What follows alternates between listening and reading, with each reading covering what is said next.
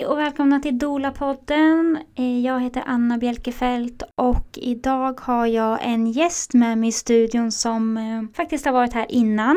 Eh, hon gör comeback kan man säga. Hon heter Maria Bengtsson Lenn och hon är författare av två fantastiska böcker som hon skrivit tillsammans med Victoria Häggblom.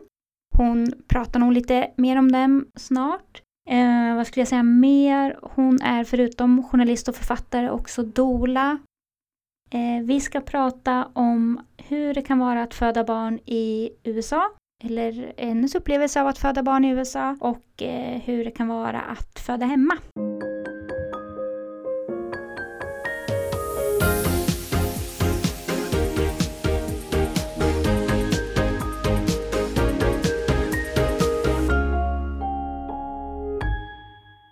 Vi har pratat nu i eh, nästan en timme om andra Det saker. är visst väldigt mycket att prata om. Ja, Ja. så att vi tänkte dra igång intervjun eh, nu helt enkelt. Ja. Eh, berätta vem du är. Jag är eh, 43 år gammal, Mm. bor på Värmdö som ligger utanför Stockholm i skärgården. Och jag bor där med min eh, man och mina tre barn, våra tre barn. Och ehm, ja, eh, utbildad journalist. Jag har, eh, sista åren har jag varit hemma med barn men också skrivit på eh, två böcker. En gravidbok och en förlossningsförberedande bok som jag Mm. skrivit tillsammans med Victoria Häggblom. Och i våras så kom de ut. Berätta Så- vad de heter. Gravid med kropp och själ och född på dina villkor heter Mm. de. Och eh, för er som inte har lyssnat på de avsnitten så har ju, eller det avsnittet så har ju Maria varit här förut och pratat om dem. Mm, precis. Mm. Mm, hur gamla är dina barn? Den äldsta är 14, hon Mm. fyller 15 i april och den mellersta är 7, han fyller 8 i år och den yngsta är 4, fyller 5 i år. Så, Mm. mm. Eh, och det är ju de vi ska prata om kan man säga. Ja. Eller också hur det var innan de Ja. kom. Mm. Eh, vill du berätta om din första graviditet? Mm. Hur var den? Var den planerad? Var den som du hade tänkt? Vi hade blivit gravida tre år innan och då hade vi bara varit tillsammans i några månader. Och vi träffades ju, min man är från USA, och vi träffades när eh, jag var och han var ute och bagpackade i Asien. Så att vi träffades i Hanoi i Asien. Ehm, 2000 var det. Och ehm, några månader senare så träffades vi igen i Mexiko och blev superförälskade. och sen... eh, 20 år. Ja, Wow! helt galet. Det är helt galet. Så i sommar, i juni, så blir det 20 års eh, jubileum för Ah. oss. Mm. Tiden har gått så himla fort på ett sätt, men Mm. mycket har ju hänt. Och ehm, ja, så då var han i alla fall, eh, min man var i Stockholm för att eh, vara med mig och då, och bara några månader efter att vi hade träffats där i Mexiko. Och vi blev gravida och ehm, det var väl första gången som man ens liksom fattade att eh, eller började tänka på det här med barn och att det faktiskt kunde vara en verklighet. Så jag har, jag har ju vetat alltid att jag ville ha barn själv. Men jag visste samtidigt att jag inte ville vara gift. Jag ville inte ha en man helst. Men sen blir man förälskad och så, så blir det som det blir. Mm. Lite så blev det. Varför ville du inte ha en man? Hinner vi med det? Ja. Jag tror väl inte jag hade de bästa kanske. Ehm, eh, jag har väl inte haft kanske så många bra manliga förebilder runt omkring mig när jag växte upp tror jag. Min morfar är ju, har ju varit min trygga hamn verkligen och är fortfarande faktiskt. Och han lever. Han lever. Mm. Ja. Jag har tur att jag, min mamma fick, eller han var ti- ganska ung när mamma kom då och sen var min mamma, hon var bara 17 när jag föddes. Okej. Så jag har turen att ha kvar min morfar. Så han, han har ju varit liksom en jättefin och fantastisk människa i mitt liv. Men många andra män har kommit och gått och, inte, och, och killar runt omkring mig. Jag vet inte, jag har alltid, alltid känt att jag har haft svårt när att bli satt i ett fack. Liksom att man ska bete sig som en tjej förväntas bete sig på något sätt. Och eh, kände att jag blev kvävd av den känslan. Så jag tänkte att det är nog bäst att jag är ensam. Så jag reste, jag reste faktiskt till Asien med två vänner men sen efter någon månad så, um, eller nå- två månader kanske, så åkte jag sen själv. Um, men och hade verkligen inga planer på att träffa någon och så helt plötsligt så var han där. Och det var sån stark magnetism mellan oss att det liksom gick inte att inte vara med honom på något sätt. Så vi blev gravida då i Stockholm och kände att, eller jag kände att men gud jag vet inte ingen, man vet bara att man är väldigt kär men inte hur någonting annat ska bli. Sådär. Så Kunde du tänka vi... realistiskt eller liksom? Uh, ja, jag vet att vi skämtade om att det var en liten liksom, oss där inne och att det blev, det blev det blev fint på ett sätt att vi hade kunnat skapa någonting tillsammans ur vår kärlek och ur det här starka som vi hade gemensamt. Och det sådde ju också ett frö av att ja, men det, det är ju så här det ska vara, vi ska mm. bli föräldrar tillsammans. Men just då kändes det att det realistiska tog över, eller det rationella, att det funkar inte i vår vardag just nu. Så då gjorde vi abort. Mm. Men efter det så pratade vi jätteofta om, om barn. Så tre år senare så valde vi att, fastän jag fortfarande pluggade, och då bodde vi i USA, men då valde vi ändå att försöka bli gravida. Så jag, tog, jag slutade med p-pillerna och eh, bara mensen efter, jag hade en mens och sen blev jag gravid. Så då bodde vi i San Francisco och hade varit tillsammans i tre, tre och ett halvt år eller någonting sånt. Mm. Ja. Hur var graviditeten? Hur mådde du liksom fysiskt och mentalt? Jag mådde jättebra. Vi, vi blev gravida på sommaren. Allt var fröjd. Vi var på semester hade tid att bara umgås och ha jättemycket sex. Och Härligt! så det var verkligen, jag mådde hur bra som helst. Um, och sen när jag kom tillbaka så pluggade jag så det var ju inte jätte uh, så um, det var inte så fysiskt krävande för mig att plugga. Jag kunde lägga mig ner när jag behövde och vila när jag behövde eller ta en promenad när jag behövde det. Och liksom rent fysiskt så kunde jag röra mig så som kroppen behövde och följa var det mm, journalist du pluggade till då? Precis, jag hade, pluggat, jag hade börjat journalistprogrammet då. Mm. Den terminen som jag blev gravid. Mm. Och planerade ni att föda i USA? Mm, det mm. gjorde vi för vi bodde, vi bodde i Sausalito mm. i San Francisco och hade inga planer då på att flytta hem. Nej. Än så länge. Och jag hade ju också, när man um, Universitetet i USA är ju lite annorlunda. Man pluggar först två år generella ämnen och sen så startar man sin inriktning på andra året. Okay. Så då hade jag precis startat journalistinriktningen då och jag visste att jag hade två år kvar minst. Jag längtade hem men jag kände ändå att det var där jag skulle vara just då. Mm. Och hur gick mm. tankarna kring förlossningen när du var gravid? Mm. Gud, man hade, jag hade aldrig tänkt, aldrig funderat på förlossning och allt sånt där tidigare. Så um, jag köpte en tidning. Jag är ju av min natur så jag är ju väldigt nyfiken och vill läsa så mycket som möjligt. Och, så jag köpte, när, jag, när vi blev gravida i Stockholm då den sommaren och vi fick reda på att vi var gravida så köpte jag på en gång massa gravidtidningar. Och I en av de här tidningarna, om det var Vi föräldrar tror jag, så fanns det en artikel om en kvinna som hade fött hemma. Hon bodde i Norrland och hade planerat hela sin förlossning hemma själv, som hon skulle göra själv, helt själv. Utan, okay. utan sin man, utan eh, barnmorskor som bistod henne. Och hon beskrev hur hon hade satt upp, liksom riggat upp en kamera, hon hade steriliserat sax och verkligen planerat allting minutiöst. Och eh, när hon kände att verkarbetet hade satt igång så sa hon hej då till sin man. Och, eh, var det första barnet? Och det var, ja, jag vet faktiskt inte för att vara ärlig. Men det kändes som att det var det. Jag kan inte säga helt säkert. Det var där och då som jag verkligen så började fundera på hur jag ville att min förlossning skulle vara. Och tyckte det var riktigt häftigt att hon hade bestämt sig för det här.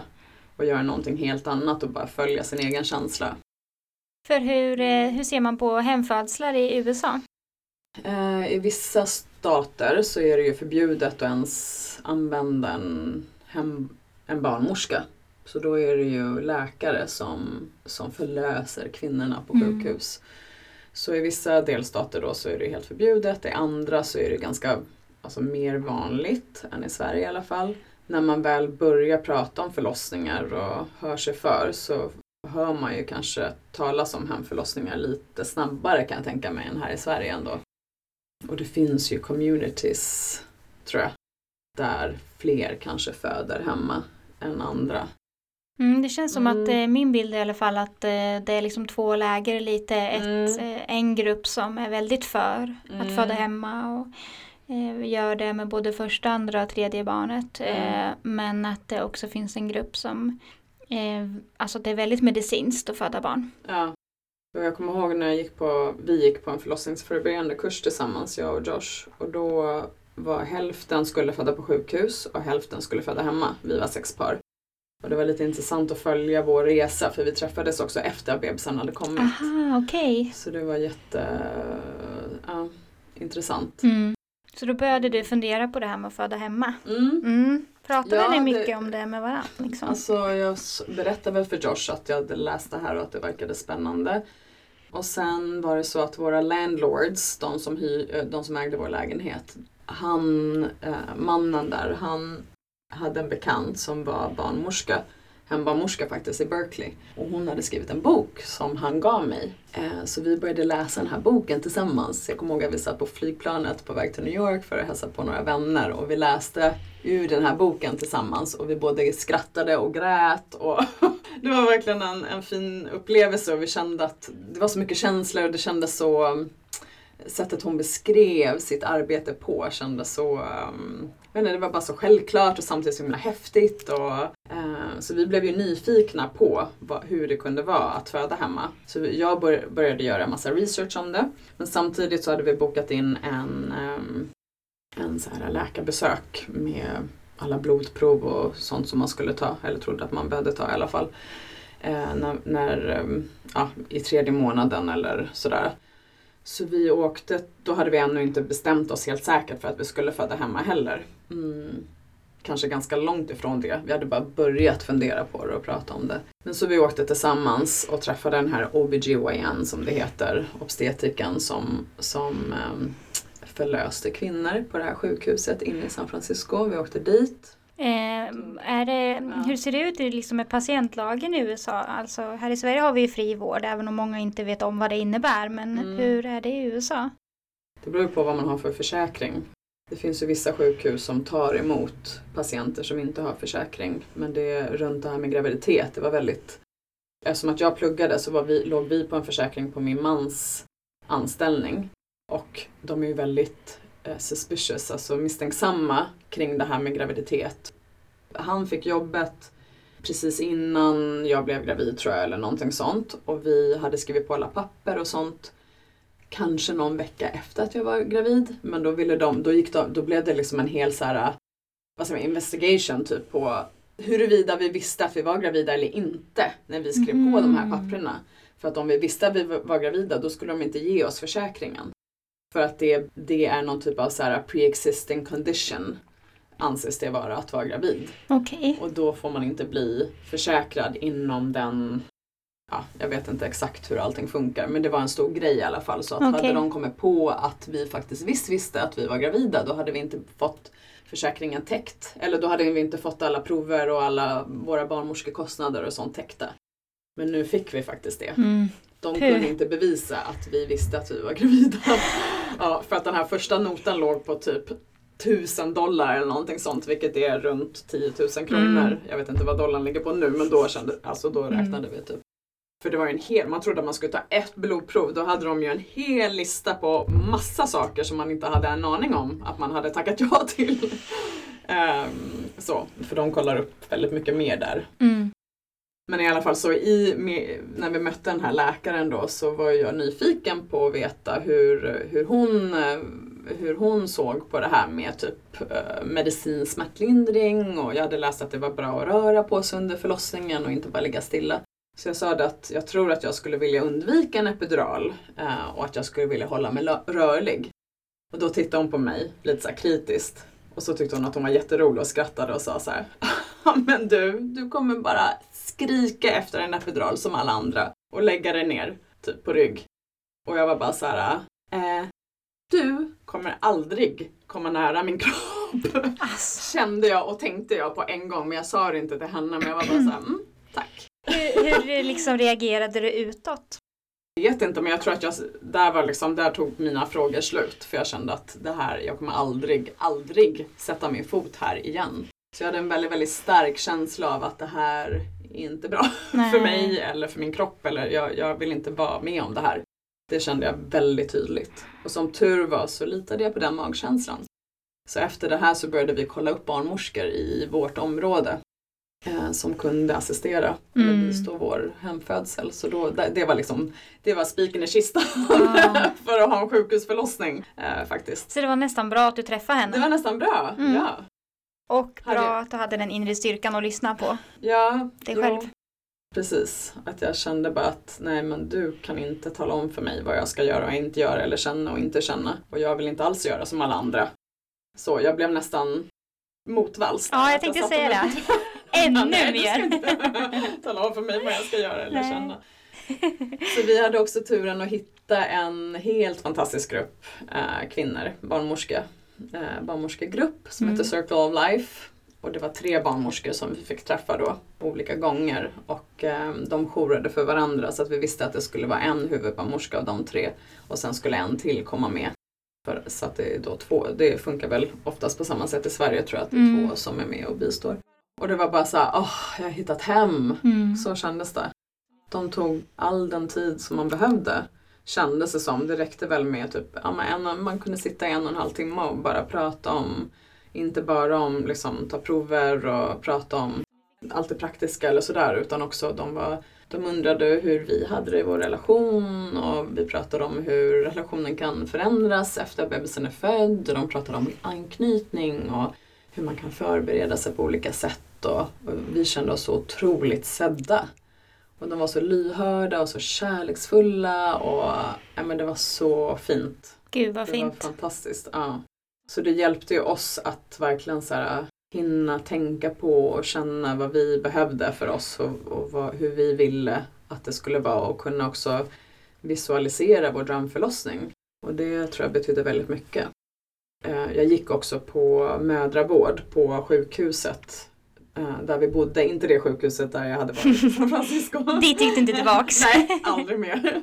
Men eh, i eh, Marin, det var ett annat sjuk, ett mindre sjukhus, dit gick jag på mödravård för att eh, det var en grej som de barnmorskorna ville att man skulle göra, att proverna skulle tas Vissa proverna skulle tas där och man skulle gå där så att de skulle släppa in en ifall att vi skulle behöva eh, åka hemifrån till sjukhuset om barnmorskorna skulle tycka att det var något som var på tok. Liksom. Eller att man inte orkade, Mm. ville ha en epidural eller vad vet jag. liksom. Och lägga sig på rygg. Ja, exakt. Då var det bra att veta var man kunde lägga sig på rygg. Är det här man kan lägga sig på rygg? ja, så då hade man någon ingång där liksom. Ja. Ja. Så jag var, ja, jag var där eh, någon gång i månaden tror jag. Mm. Sen resten av graviditeten. Var det ett trevligare bemötande där? Det var trevligare men det var helt annorlunda än Mm. att träffa våra barnmorskor. De var ju, för det första var de inte alls lika inkännande.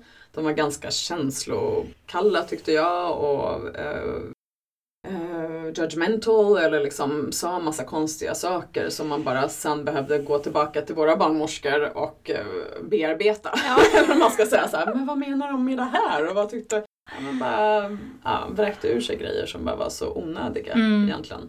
Och en av de sakerna kom ju faktiskt att påverka ganska mycket tror jag min förlossning sen. Eh, För att de sa, vid ett tillfälle så sa de när jag berättade att eh, jag hade gjort, gått igenom en så här um, kryobehandling. Vilket är att om man har haft cellförändringar på livmodertappen så kan de göra en frysning, att de går in och fryser på livmodertappen.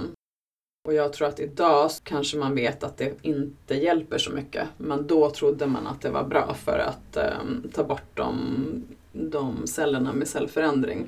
Idag tror jag det var någon, en gynekolog på Sabbatsberg som berättade för mig att man faktiskt bara kan så här, att man inte tar bort dem utan man kan frysa dem så att de, så att de finns kvar och att de faktiskt kommer återupplevas, Ah, okej. återupplivas typ senare. Mm. Jag vet inte vad som är rätt eller fel men jag hade haft en sån i alla fall Mm. och då kan det bildas någon typ av ärrvävnad på Just det. livmodertappen. Det kanske du känner till Ja. och har hört också. Så att eh, förlossningen kan bli mer långdragen Ja, och att man har svårare att öppna sig. Precis. Och det var ju aldrig någon som sa någonting sånt. Det Nej. hade man ju inte valet liksom heller när, när de gjorde det, utförde den här äh, frysningen så berättade de aldrig det för mig. nej. Men då hade jag väl det som en hang-up liksom att min förlossning skulle vara lång och jobbig. Smärtsam och liksom och sen att det kan gå väldigt fort på slutet och det var ju precis det som hände egentligen. Så de kanske hade rätt men det blev ändå en så onödig psykisk grej. Mm, jag tänker att det vägen också självupplevt på något Ja, sätt. ja faktiskt. På samma sätt som att förbereda sig inför den perfekta förlossningen så förbereder Mm. man sig på saker som kan Ja. gå tokigt så är det troligare att det blir så. Liksom. För det kommer jag ihåg var en stor grej under graviditeten att jag tänkte så här att man hängde upp sig på tiden. Jag vet att min mamma hade en 12 timmar lång förlossning med mig så jag tänkte här 12 timmar det kanske man står ut med. Men Var du första längre. barnet? Ja, jag var första barnet. Mm. Och eh, när drog det igång? Så det eh, drog igång Vilken vecka? ja, eh, 38. Mm. Nej, 39. det- Förlåt, det var med Ja, Julius som 38 började plus sex. 38. Ja. Så sex dagar innan tiden. Och det tog ju 43 timmar. Från att första verken startade till att hon var ute. Mm. Så det här med tid. och man tror att man aldrig kommer klara det. Men, eller liksom man tror att en lång förlossning är lika med hemskt, Ja. kaotiskt, eh, att det inte går. Så det fick jag i alla fall bevis på att så är det ju inte. Nej, användbart i ditt jobb eftersom du också är doula. Mm. Mm. Just det, det glömde jag ju säga. Mm. För att jag började prata om böckerna. Ja. Men jag är ingen doula också. Ja, jag tänkte att jag tar det- i presentationen annars. Ja, Ja, men det är ja, bra. det får du göra. Ja. Ja, så eh, hur, hur liksom kändes det och hur tänkte du när det drog igång? Mm, gud, jag var så exalterad. Jag kunde inte sova. Jag väcktes ju av en verk och tänkte nu, nu händer det, nu är det på gång. Mitt i natten? Mitt i natten. Mm. Och jag hade ju läst så mycket om allt det här och jag hade förberett mig och jag var så redo och jag ville så gärna möta vår dotter. Så att eh, vi hade ju redan hennes namn klart och allt var liksom nu, ja nu händer det! Ja. så jag, det här med att gå tillbaka som jag själv kan ge råd då till mina doula-klienter att bara ta det lugnt och ligga kvar i Mm. sängen och bara försöka slappna av. Det var ju helt omöjligt. Mm. Bromsa adrenalinet. Ja, precis. Nej, så jag eh, började klocka verkarna och Mm. väckte min man efter en liten stund. Och, ehm, när vi hade ätit frukost så gick vi ut och gick precis vid vattnet och de, de var ju ändå så pass intensiva att jag var tvungen att stanna upp och andas. Och, så det var ju inte så att jag bara kunde gå runt och fortsätta med en dag som att det vore vilken dag som helst. Nej.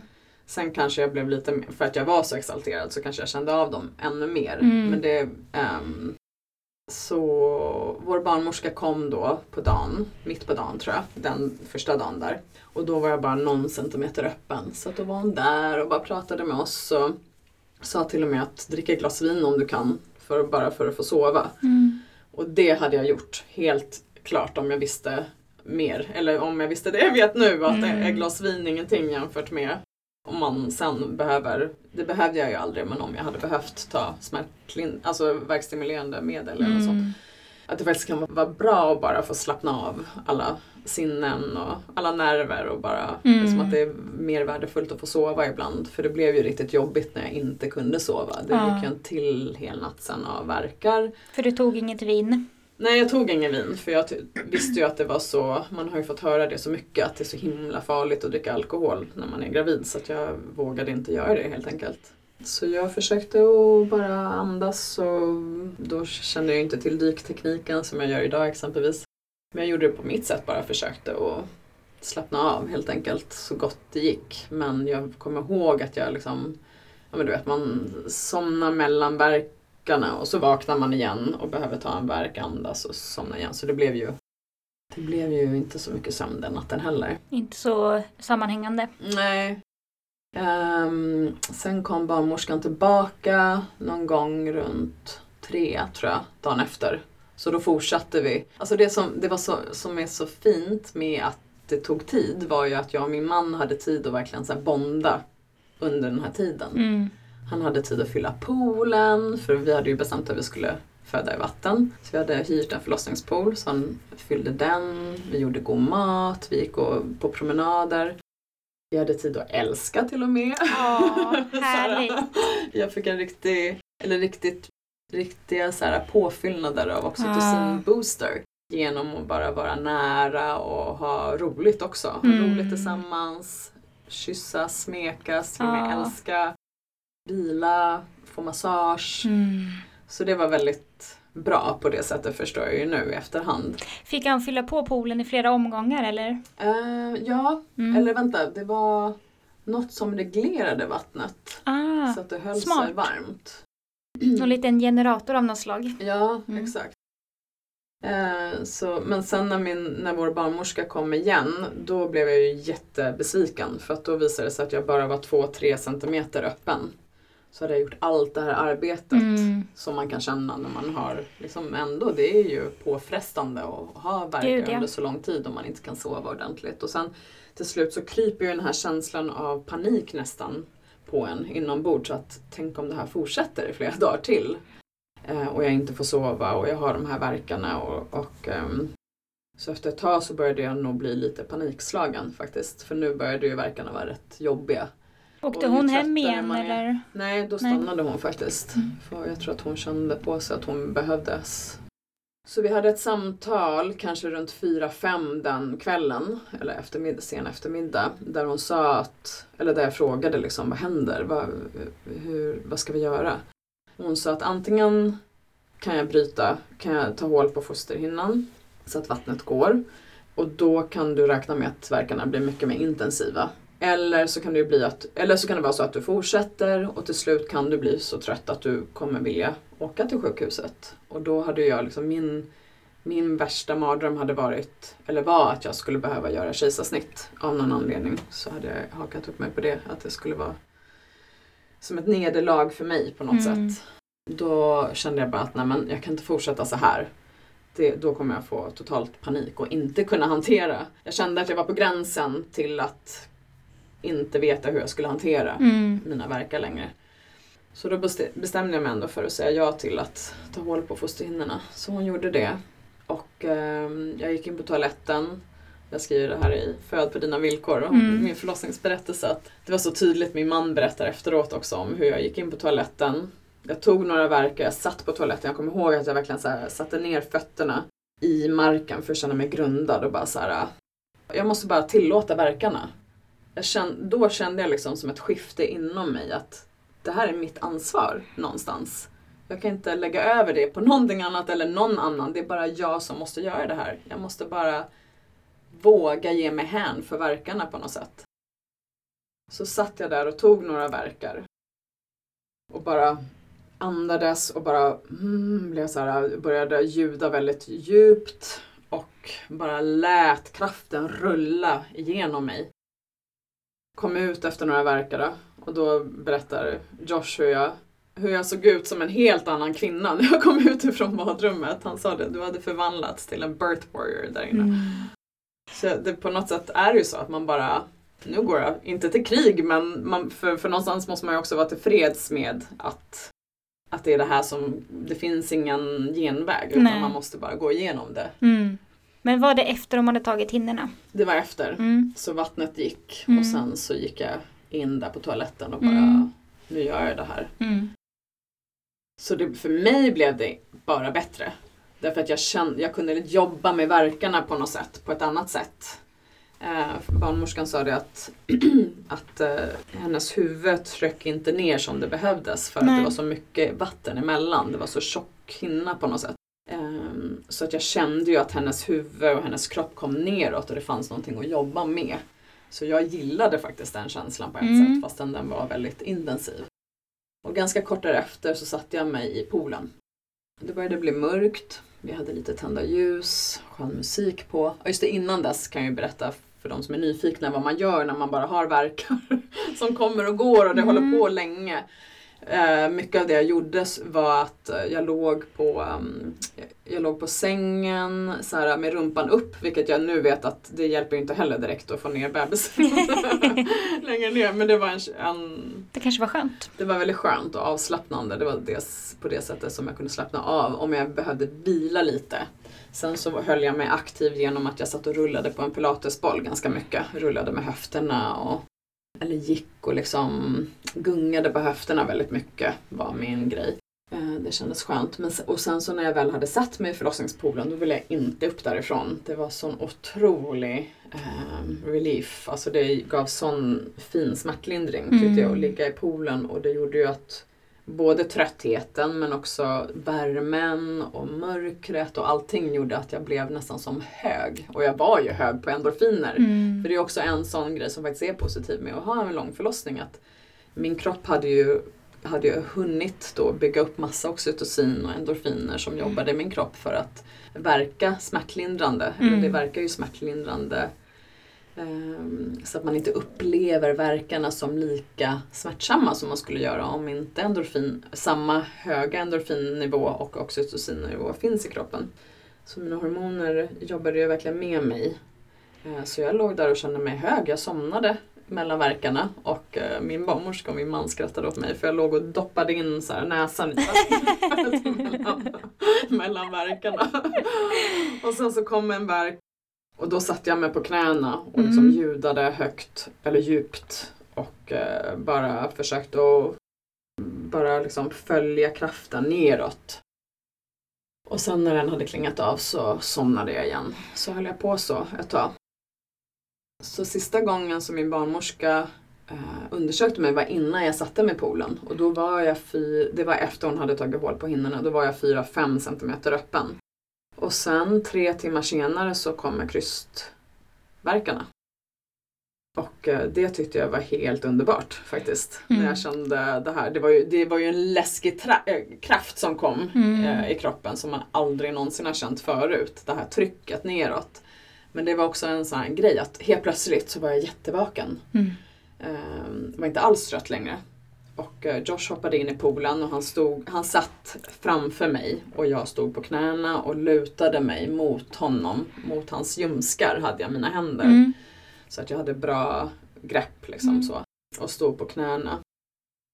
Det var en till sån grej att jag var så, då kände jag ju att nu kommer, nu är det liksom, nu händer det ju snart. Så jag tyckte ju bara det var jättekul att få krysta på.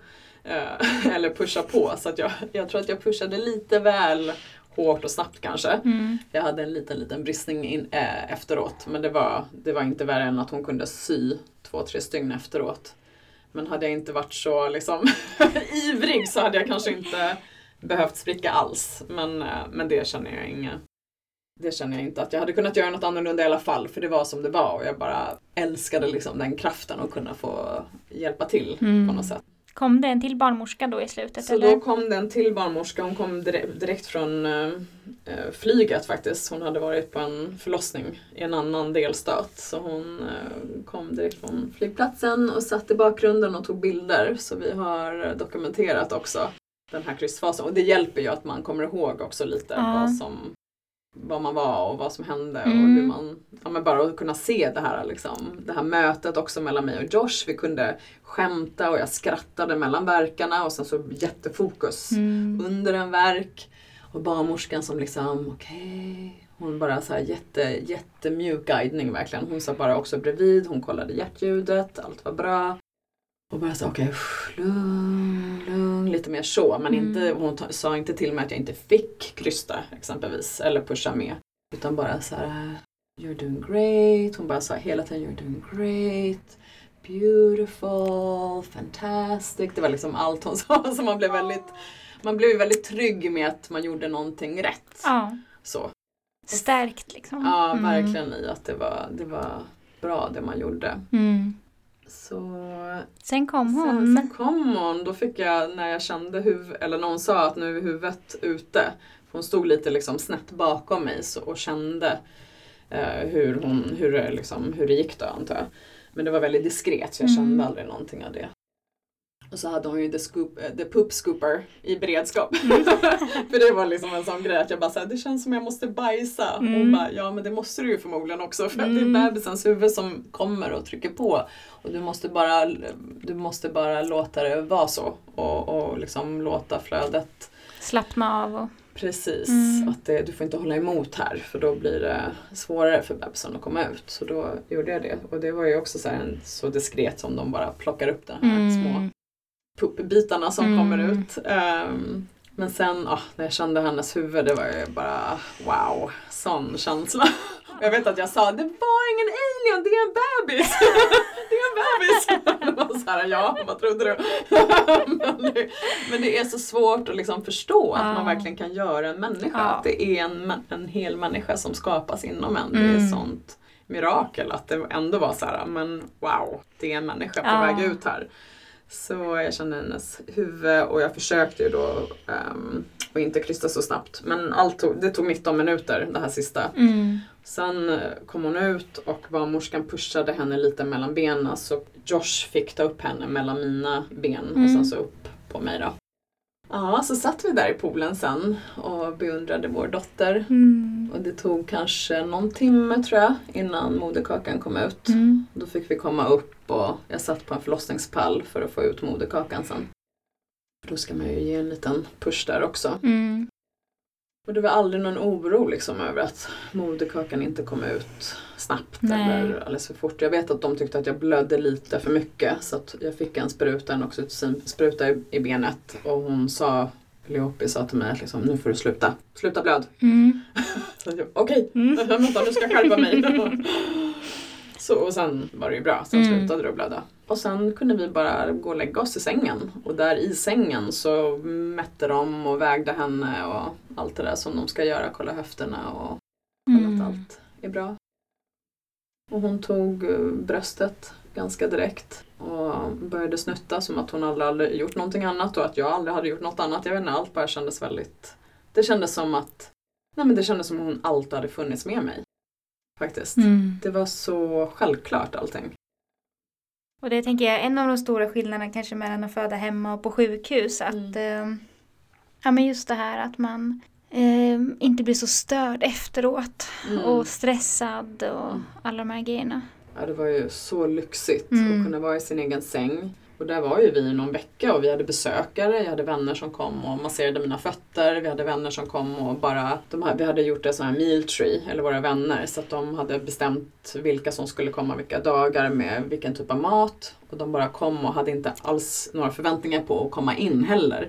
Det var bara några enstaka vänner och familjemedlemmar som vi bjöd in, men de andra hängde maten på dörren bara med god näringsrik mat. Så att vi Mm. hade mat, vi behövde inte hålla på och fixa så mycket. Så att det var ju både jag och min man hade ju möjlighet att bonda med vår bebis tillsammans. För att Mm. det var inte någon av oss som behövde, eller han behövde inte stå hela tiden och laga mat och fixa och dona. Utan, så det var otroligt lyxigt och skönt Mm. och underbart. Vi kunde bara vara i den här bubblan. Ja men det var väldigt, väldigt idylliskt. Måste Mm. säga. Ja. Och hur gammal var ditt äldsta barn? Är, ditt äldsta barn nu? Nu, hon fyller 15 i april. Mm. Så jag tänkte också så här, Mm. men du måste ha någon film eller bilder för att minnas så tydligt. Ja, ja. Men- Jo, jag, har, jag skrev ju ner min förlossningsberättelse mm. ganska snart och sen så har jag ju skrivit om den. Vi, har, vi valde att ha med den och de andra två också i Föd på dina villkor-boken så att jag har ju jobbat och bearbetat texterna Mm. och sen har jag ju sett på bilderna vilket hjälper också och Mm. sen har jag och Josh pratat mycket och, och sådär Mm. om det. Jag tänker att fler skulle nog må bra av att göra det. Prata om sina födslar Ja. och även liksom några år efteråt sådär. Hur man... Jag känner att jag har behov av det Ja. Även om jag, det var ju inte jobbigt eller traumatiskt Nej. utan tvärtom fantastiskt och, och häftigt och intensivt såklart Mm. och smärtsamt också, verkligen. Mm. Det var sån stor händelse, det var den största händelsen i livet. Det var Mm. liksom, att få henne förändrade ju hela mitt liv. Mm. Och det gör ju det, även om man inte vill att det ska göra det. Om man inte vill förändras så gör det ju det. Det är liksom en ny människa som behöver all ens uppmärksamhet och fokus Mm. Första åren. Det är ju oundvikligt att det förändrar ens liv. Mm. Och den stora kärleken som man får uppleva. Mm. Det är ju... För jag tänkte liksom att när jag var i förlossningspodden och berättade om min sons födelse, var det liksom, om jag skulle prata om den nu så skulle jag nog Mm. tänka helt annorlunda liksom. Och Mm. om jag skulle pratat om den två månader efter han hade fötts så hade jag Mm. pratat om det annorlunda. Så att känslorna och tankarna kring eh, sin förlossning kan ju verkligen, verkligen ändras. Mm. Och där också tänker jag behovet av att prata om det Mm. och lufta det liksom. Så hur lång tid har det gått då? När du... Då var han tre tror jag, nu är han snart fem då. Ah, okej. Ja, så då har det gått tre år. Ja. Eh, men också tror jag att när man jobbar inom det här området så tror jag att man ännu mer liksom reflekterar när man ser barn födas hela tiden och när man Mm. möter olika birth workers och, och förlossningspersonal och så att man Mm. kan tänka annorlunda hur det faktiskt kan vara att föda barn. Mm. Eh, att den, det förändrar Ja, också och- ens minne av mm. hur det var. Liksom. Ja. Och vad som hände som faktiskt kändes okej och vad man ändå skulle vilja ha annorlunda Mm. och så. Liksom. Ja, jag tror att kanske också många som föder som tänker att men det här var väl okej.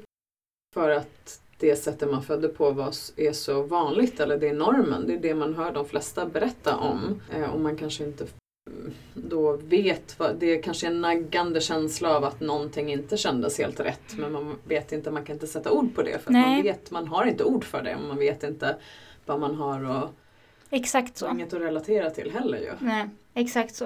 Eh, för att man tänker att ah, men det är så här de allra flesta föder barn, typ ungefär på det här Mm. sättet. Så det Mm. var väl bra Ja, liksom. Ehm, men det kan vara på väldigt många olika Ja. sätt. Och Ja. som sagt att man inte kanske direkt efter kan sätta ord på det. Nej.